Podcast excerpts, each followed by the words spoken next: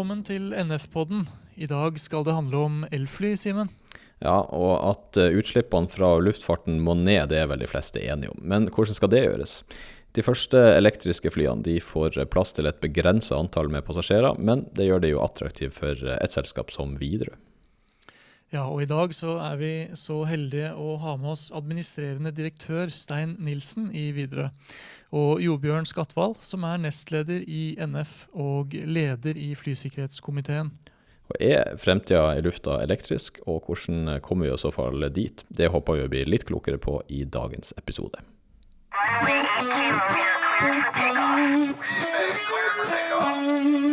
Ja, Stein Nilsen og Jobjørn Skatval, velkommen. Takk skal du ha.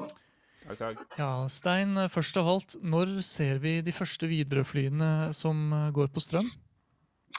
Ja, det er jo et, det er et veldig vanskelig spørsmål å svare helt bastant på. For det er jo en, det er jo en ganske lang utviklingsprosess som skal til. Men uh, vi regner jo med at vi ser de første litt mindre flyene transportere uh, i, uh, ja, mot midten av 2020-tallet. det siste prosjektet vi er involvert i nå, det tyder jo på en ambisjon om 2026. Men, men, det er såpass ny teknologi og såpass mye utvikling at det å være bastant på hvilket tidspunkt som, som, en sånn teknologi lar seg realisere på, det er vanskelig. Er det testprosjekt, eller er det tanken at hele kortbaneflåten skal bli elektrisk? Vi forventer jo den første fasen at det kommer fly som er små med begrensa rekkevidde. Vi snakker, når vi snakker små her, 9-11 seter. Og det er klart, det er jo ikke den endelige løsninga for Widerøe. Men uh, som vi sikkert kommer tilbake til, så har jo vi bestemt oss for å være veldig veldig offensive og prøve å hjelpe til å drive en utvikling uh, over til en mer bærekraftig luftfart. Og da skal man ikke utelukke at man også ser videre fly, uh, litt mindre fly som, som pilot eller som, som testprosjekter, også kommersielt. Er det snakk om uh, batteridrevne fly, eller er det muligheter for sånn type hydrogen- og brenselcellegeneratorer? Nei, alle, alle som, som uh, innenfor luftfart vet jo at vekt er jo en av de, de mer kritiske mm. faktorene vi holder på med. Så det er klart, batteri med den type teknologi vi ser i dag, og som vi kan ses i en sannsynlig utvikling frem mot 2030, det er jo ikke det er ikke så lett å få det til med i hvert fall litt større fly når du kommer opp på 40-50 seter. Si, men det er i hovedsakelig to teknologispor vi ser motorprodusentene driver på med. Det ene er teknologi med videreutvikling av batteriforutsetningene. Eh, og det andre er jo hydrogenbaserte løsninger. Da kanskje først og fremst gjennom eh, hydrogen- og fuelceller, som er en ganske velprøvd teknologi på bakken. Mm. Men uh, nå har det vært et uh, tøft år for hele bransjen. Widerøe er vel av de som kanskje har uh, klart seg best, da. Men det er jo et sånn litt Det er jo et hva skal man si, et skummelt tidspunkt kanskje å hive masse penger ut i et nytt prosjekt. Ja, du kan si Det er jo, det her starta jo vi med for fire år siden. Vi ble jo mer eller mindre latterliggjort ned i Europa når vi starta å snakke om at vi må finne en, en ny teknologisk plattform. Men, men utviklinga har jo gått faktisk litt fortere enn det vi forventa når vi starta for fire år siden. Og det som driver oss, det er jo flere ting. For det første så har jo vi en, en eh, flåte av fly på kortbanenettet. Dash 800-200 som, eh, som, i prinsippet er utenfor sin tekniske levetid, som, som, vi må bytte på et eller annet tidspunkt. Og Det gjør jo at vi, vi har et visst press på å finne neste generasjons fly for kortbanenettet. Mm. Det andre som gjør seg gjeldende, det er jo et enormt fokus på miljø og bærekraft og det grønne skiftet. Og det er jo vi veldig opptatt av å, bidra til. Men det som er den største utfordringa for oss, det er at dagens forretningsmodell fungerer ikke. Fordi at når man lader på med enorme avgifter for å skattelegge utslipp, så klarer ikke vi å få lønnsomhet i å fly små fly på korte strekninger. Så du kan si Det er både et miljøperspektiv for oss, men det handler også om å få en lønnsomhet i det vi driver på med, som er akseptabel. Og det siste utspillet her kommer jo fra denne klimameldinga, der man skal ha CO2-avgiften opp til 2000 kroner per tonn. Eh, det er jo en, nesten en firedobling i forhold til hva vi ser i dag. og det er klart En sånn utvikling i kostnadene for utslipp det tar jo knekken på en sånn operasjon som vi driver på kortbane. Mm. Jeg vil jo mm. strupe hele luftfarten, ja. Men ja. uh, Jobjørn, uh, dagens status for uh, elektrisk luftfart, har du troa på at vi kan komme i mål såpass raskt? Det jeg har trua på, er at hvis, hvis, vi kan avtale møtes om, om tre år, så tror jeg, og forhåpentligvis i et studio, så kan vi sitte og himle litt med øynene til hverandre over at ting vi både over- og undervurderer med hensyn til begrensninger og muligheter framover. Og som Stein sier, det, det, det, kommer til å være mye som blir introdusert her nå. Forskning og utvikling, og selvsagt da innovasjon her i tillegg. Eh, det som er viktig nå, og jeg mener at det er jo et uh, statlig ansvar, er at uh, norsk luftfart må få være med i utviklinga her. Og det har jo for så vidt Samferdselsdepartementet gitt signal om med at de har satt i gang sine ja, sine etater, da, Luftfartstilsynet og Avinor, med å, å, å, introdusere elektrifisering av eh, luftfart i Norge. Gjennom eh, både med sin rapport og videre med arbeidet. Forhåpentligvis så vil det jo være at eh, både operatører, aktuelle operatører som er videre, og selvsagt og vi som skal sitte foran i flyene, er med på den ja, diskusjonene, analysene og vurderingene videre framover. Eh, ja, det vil bli, det vil bli spennende. Det, det, er kjempeinteressant. Det er som uh, elektrisk luftfart. Det blir en litt uh, annen dåp uh, enn faktisk kommersiell, vanlig luftfart. så her, her blir det en utvikling som blir spennende å være med på. Deler du, del du inntrykket til, til, Stein med disse her høye avgiftene, og at det fungerer kanskje litt som en, en brems for operatørene å, å kjøpe inn ny teknologi? Helt klart. Eh, er, hvis det er meninga at de skal bruke den erfaringa altså, i Norge for å fly og operere her, så er det jo tvingende nødvendig at de operatørene som er her i dag og kan eh, både de klimatiske og topografiske utfordringene, får være med å utvikle videre. Og Da kan de ikke eh, kveles med ene hånda og så kanskje gi litt Eh, elektrisk tilskudd eh, på andre sida. Her må det være en helhetstanke i det hele.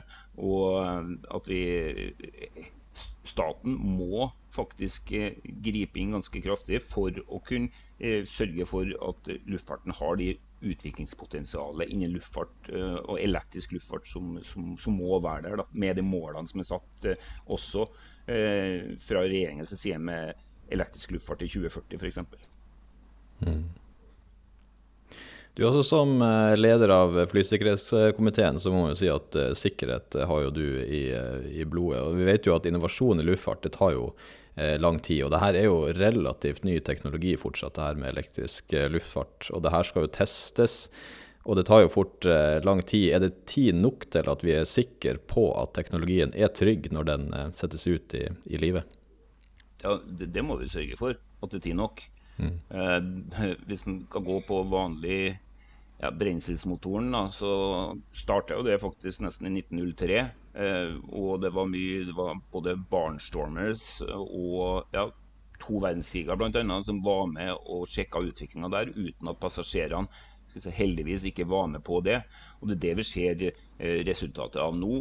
At eh, luftfarten er såpass sikker med de brenselsmotorene som er, basert på de feil og analysene som er gjort tidligere stort sett siden 60-tallet. Eneste endringa som har skjedd med, med fly, ja, både på uh, turboprop og på jetfly, er jo bare at uh, ja, eh, vinduene har blitt uh, runde istedenfor firkanta, og at motorene plasseres litt forskjellig sted, for å si det grovt uh, på, på, det. Mm. Men bare en kommentar fra meg, for det, det, er jo alltid mye teknologiskeptikere. og Det, det kjenner vi jo igjen fra når, når elbilene gjorde sitt inntog i Norge. Men det er jo viktig å være klar over at elektromotoren er jo vel så gammel som forbrenningsmotoren. Mm. Uh, uh, og uh, jeg har jobba et par år en, i en elektromekanisk virksomhet. og Det er jo helt åpenbart at elektromotoren stabilitetsmessig og driftsmessig er forbrenningsmotoren totalt overlegen og også i effektuttak. Eh, så det å ha en motor, eller kan si, en propell som drives av en elektrisk motor, det er ikke vi bekymra for i det hele tatt. Dette er velprøvd teknologi og, som brukes overalt i samfunnet. Det er jo mer å få til et flysystem med alle si, forskjellige komponenter og den redundansen et sånt system må, må ha, som er viktig i et sånn sikkerhetsmessig perspektiv. Og der, der, er jo vi fullt ut klar over at både FIA i USA og EASA har store ressurser inn på dette området for å finne ut hvordan dette skal påvirke sertifiseringsregelverket. Så ja, vi, vi, er, vi, har så stor tillit til luftfartssystemet at når et fly blir ferdig sertifisert og godkjent, så er det faktisk like sikkert som de flyene vi har i dag. Ja, mm. ja for det er jo interessant å snakke om utfordringene rundt eh, litt mer om utfordringene. Altså, tenk på Hva med produksjon av strøm? Det, har, vi, har, vi, mulighet til å produsere nok? Det er jo først og fremst andre som skal ta seg av og besvare på de spørsmålene. Men i de diskusjonene vi har hatt, så har ikke det vært fremheva som et problem. Det er klart at noen plasser i Norge, i det langstrakte landet vi har, så har vi noen overføringsbegrensninger. Så, men jeg er jo ganske sikker med det grønne skiftet som vi holder på med nå, så kommer jo det til å løses parallelt med eh, si, den øvrige teknologiske utviklinga. Det er jo viktig å understreke at det er jo ikke bare innenfor luftfart det foregår en, en, en rivende utvikling over fra, fra, forbrenningsmotorer over til mer, mer bærekraftige løsninger. I Tyskland kjører de hydrogentog vi vet alle hva som skjer på, på si, sjøgående materiell, både hurtigbåter og ferger. Så det, det, vi holder på med i luftfart, er en del av en større helhet som gjør at jeg tror at vi kommer til å basere samfunnet på mer bærekraftige energiløsninger når vi kommer 10-15 år frem i tid. Og eh, det, En ting er jo miljøet, men jeg tenkte på forretningsmessig så er det vel også veldig fristende å kunne å kunne sløyfe hele drivstoffkostnaden på, i regnskapet? Ja, du kan si Den Hovedutfordringa som vi har som flyr ute i distriktene, det er jo at i tillegg til at vi betaler drivstoffet og en haugevis med avgifter på toppen av drivstoffet, så har vi et leveringstillegg. Vi må jo betale for at drivstoffet blir frakta ut til Lofoten og til Mehamn og til alle disse plassene ja, vi flyr. Så vår pris for drivstoff pga. dette leveringstillegget er i gjennomsnitt ca. 70 høyere enn det SAS og Norwegian fyller på Gardermoen. Og, det, og det, Da er vi litt tilbake til uh, den økonomiske bærekraften som vi videre er nødt til å ha for å fortsette å utvikle det viktige kollektivtrafikksystemet som kortbanenettet er. Dagens forretningsmodell den virker ikke med den type avgiftsstrukturer som norske myndigheter har bestemt seg for. Mm. En annen ting her er jo det her med Det, det, jo, det krever en uh, stor oppgradering på liksom, infrastrukturen rundt på de her plassene, med havn som du nevner, og de forskjellige. Det, å få til en uh, lademulighet på de her flyplassene, det er kanskje ikke bare å sette opp en uh, hurtiglader på 220 volt? Nei, og så er det spørsmålet hva teknologisporet blir. Og det er derfor vi ikke har satt dette på agendaen ennå. Fordi at um, vi, vi kjenner jo kan man ikke si, ladbare flyvarianter, sånn som gjennom Pipistrell og alt det her. Men det som er vel så interessant, det er jo et selskap som demonstrerer nå hydrogen gjennom fuelceller som driver og flyr rundt i Europa. De er UK-basert, det heter Zeroavia. Uh, og Jo mer vi ser på den teknologiske utviklinga, jo mer ser vi at hydrogen kanskje står frem som, som løsninga. Og det er klart, det er en helt annen infrastruktur igjen enn det å eh, drive med lading rundt omkring på flyplasser. Eh, så jeg tror akkurat hvilken infrastruktur som skal til, det er et spørsmål som jeg, som jeg tror vi skal la ligge en, en to, tre, fire år til at vi ser at uh, motorprodusentene, eller de som jobber nå med, med mer elektriske drivlinjer, klarer å konkludere på hva sporet fremover er. Ja, en, en ser jo litt av diskusjonen her som blir Det blir jo ikke om akkurat eh, selve drivmomentet, altså de elektriske motorene. For der er jo jeg Sten helt enig om at det, det er jo eh, en, en, veldig bra og trygg. Det blir ikke noe, så mye oljelekkasje fra det der. Men det er akkurat energilagringa. Hvordan blir det tatt vare på? Det er det som er viktig for eh, oss mm. når vi skal fly mellom de enkelte stedene. Og selvsagt det er det som er fint med med Norge eh, og kortbanenettet. Vi har eh, områder som Lofoten, ja, mellom Sognefjorden og, og Sunnmøre f.eks. er det masse flyplasser som kan utnyttes her.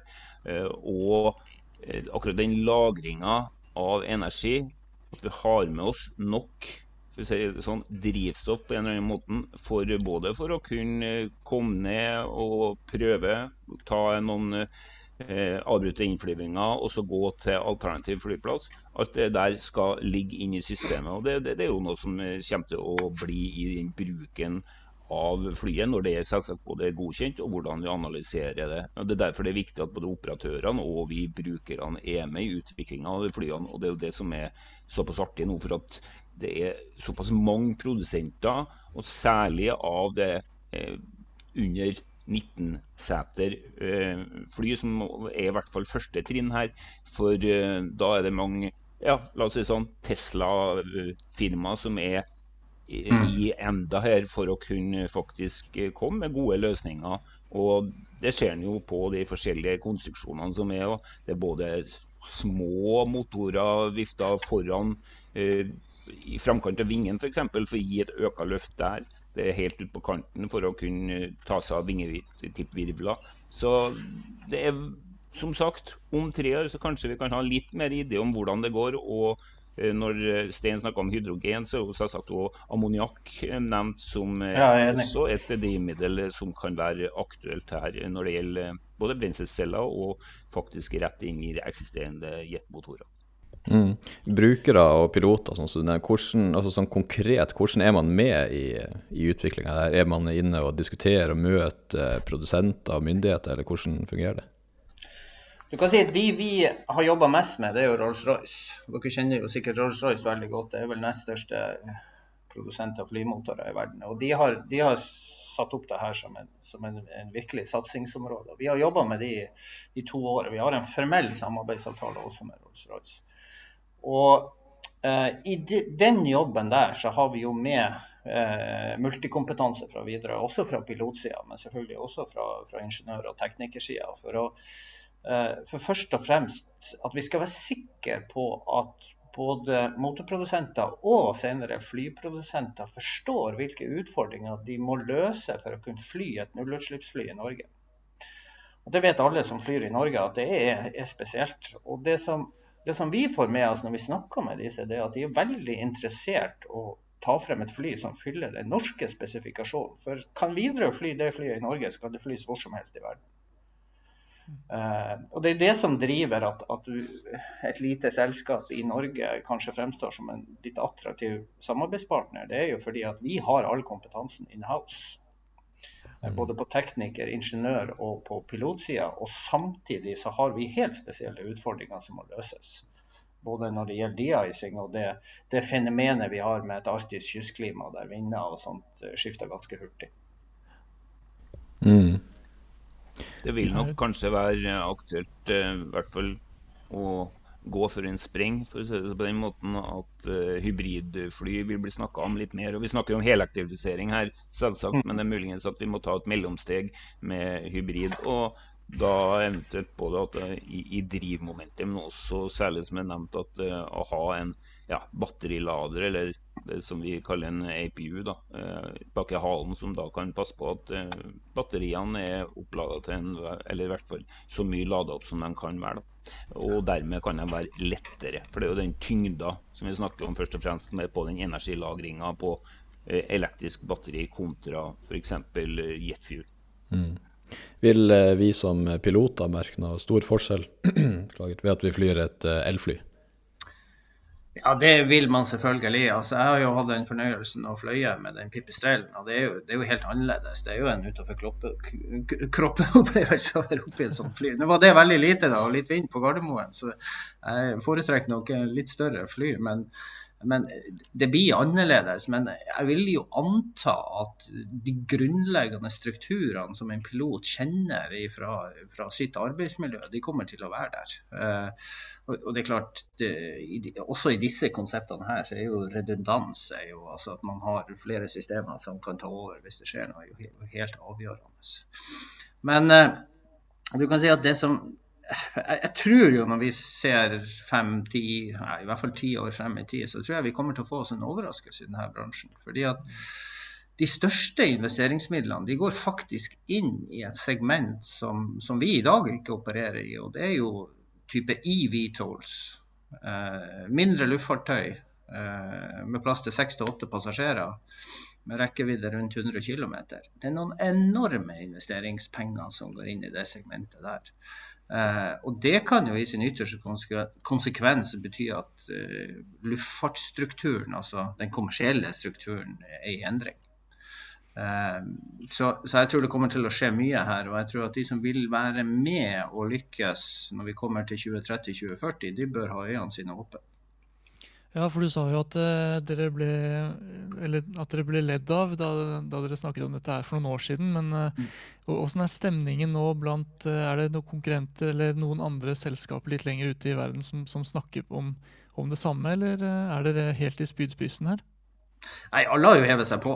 Eh, alle snakker jo med store ord, eh, alle de store selskapene. og Jeg la merke til nå at British Airways var inne og eh, var med i denne oppkapitaliseringa av dette Servavia som driver med hydrogenbaserte løsninger. Så alle har jo nå hevet seg på. Og det er jo fordi at det er et enormt press fra politisk side på bransjen for å finne en mer bærekraftig løsning. Og er vi ærlige med oss sjøl, den utviklingstendensen vi var på i 2019 før pandemien, det kommer ikke vi som bransje til å få lov å være, eh, være på i fremtida. Vi må finne andre løsninger. Og da er det sånn at, at eh, for de flyene som går over lengre distanser, så er en eller annen form for syntetisk drivstoff eller biofuel som, som senker utslippene betydelig, en nøkkel. Men på de minste flyene som flyr de korteste strekningene, så tror vi at det finnes et potensial for å strekke det lengre og få utslippene enda mer med. Og hvis vi på de mindre flyene kan få ned utslippene betydelig, altså ned mot null, så vil jo det gi større muligheter til å utvikle eh, trafikk og tilbud som flyr over lengre strekninger. Ja, eh, Litt innspill der òg. I eh, de flyene vi snakker om først og fremst nå, så er det jo mindre fly. Og ofte frekvensen av uh, ruta er jo går på hvor ofte flyene går, er hvor fort du får fylt opp flyene. Med andre ord kan vi ha en høyere frekvens av fly kanskje når det blir eh, mindre fly.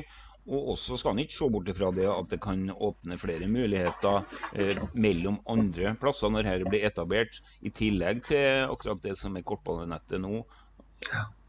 Andre plasser, eh, f.eks. ferjer, personferjer noe sånt nå, vil bli mye enklere kanskje å bo på enkelte øyer og så ligge og så pendle inn til, til kommunesentre eller byer. Øh, og kan gjøre det på en helt annen måte med hensyn til elektrisk luftfart, som da øh, kan erstatte mye annet øh, fossil drivstoff. Og enten med båt eller med bil eller på en annen måte. Så her må man se absolutt muligheter foruten det som er her i dag. Mm. Så kan man jo legge til ut fra et sånt pilotperspektiv, så er det jo, det er jo en del eh, prosjekter der ute som er veldig, veldig eh, ekspansive, eller må du si offensive. Og det, det, foregår jo i hvert fall konseptuell testing av, av ubemanna luftfartøy. Eh, altså at man skal kjøre de helt autonomt. Mm. Det er ikke noe vi tror på eh, er en løsning. Vi, vi, og det er først og fremst fordi at vi har en kundeside som også skal føle seg trygg når vi er ute. Eh, men, men, det kan jo være greit, uh, siden vi er nå og diskuterer i pilotkretser, å være oppmerksom på at det er noen som, som, ønsker å gå veldig veldig langt i å komme over mot, mot ubemanna luftfartøy. Men det tror vi er et 50-årsperspektiv. Uh, jeg vil i hvert fall ikke sitte og ha ansvaret for flyselskapet uten å ha en pilot om bord. Det, det, tror ikke jeg så så veldig godt om natta. Det er jo ganske ofte mye vær og vind å forholde seg til. Ja. Og det er ikke så lett å bare sette det på auto der. Nei, Jeg tror nok sikkerhetsaspektet vil eh, være eh, sterkt begrensende på mye der. Og altså med utviklinga. Ikke sterkt begrensende, men i hvert fall at eh, vi må hele tida sørge for at dette her er sikkert. Både selvsagt for utviklingens del, men også for personsikkerheten. Og at vi, vi, skal opprettholde den gode statistikken som er her. Og Det er derfor det vil bli spennende nå. Sant? Hvis vi tenker med batteri. Vi, vi hadde jo den eh, Pipsdelen som Avinor hadde. da den den kutta jo egentlig motorkrafta for ikke å overbelaste batteriet, eller for å overopphete batteriet. og Det er jo en, sånn, en ting som vi tenker på at ja, det kanskje bedre at uh, motoren går i stedet for. Men her, her, det var et eksperimentelt fly, og det er sånt vi lærer av hele tida framover. Samme er jo med som noe vi er mest redd om bord i fly, f.eks. er jo batteribranner. De slukker jo ikke av seg sjøl. Og det mm. er hvis hvis vi har sitter oppe et svært batteri som er drivkrefta, hva er det som er da? Skal vi kunne droppe det, eller slippe det ned i sjøen, eller eh, med en par eller mm. hva som helst for å kunne komme seg unna den brannen. Så det blir litt interessant å se hvordan løsningene blir på det der. Eh, men eh, jeg har stor tro på at dette her tenkes det på. Mm. Det, det, det, kule, det inntrykket man sitter igjen med, er at det, det er ikke lenger et, så, det er ikke lenger et eksperiment, bare et eksperiment. man ser at det her kommer. Mm. Det er bare snakk om tid.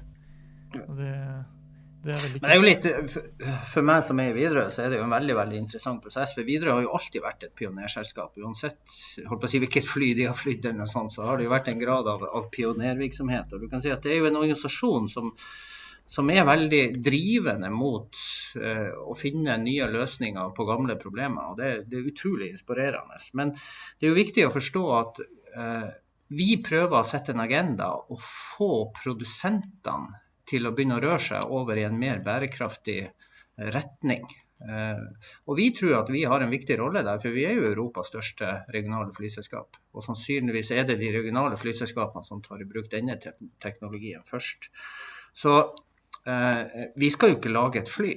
Eh, men vi prøver å sette en agenda som gjør at vi får deler av bransjen i hvert fall til å gå over i en mer bærekraftig retning. Og vi kommer ikke til å fly et fly hvis ikke det er sikkert. Og vi kommer jo heller ikke til å kjøpe mange fly hvis ikke flyene er store nok.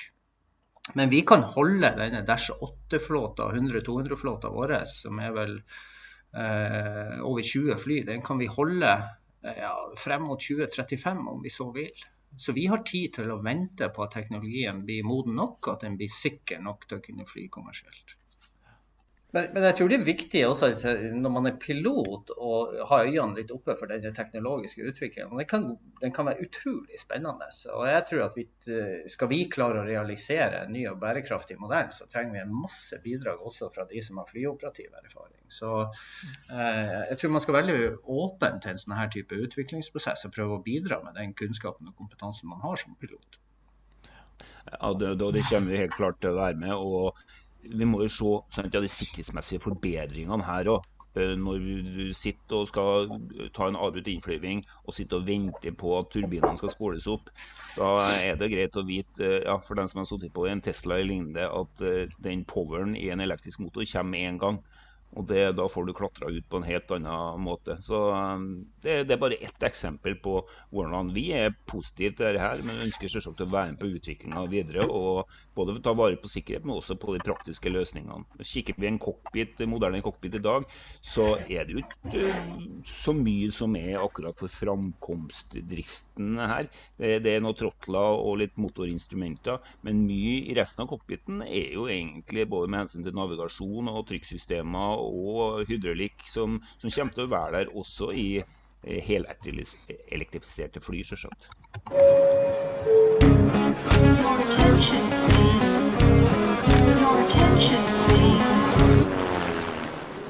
Ja, som eh, pilot så må jeg si at jeg er glad for at eh, vi ikke er planlagt å bli erstatta med datamaskiner, i hvert fall helt med det første. Ja, og vi deler vel også oppfatningen med Steinar at uh, det er nok minst 50 år til vi ser fly uten piloter. Ellers så var det jo en veldig interessant prat, og vi håper at også du fikk noe ut av det. Mm. Da sier vi takk for nå, og husk at du når oss på e-post podkast at flyger.no.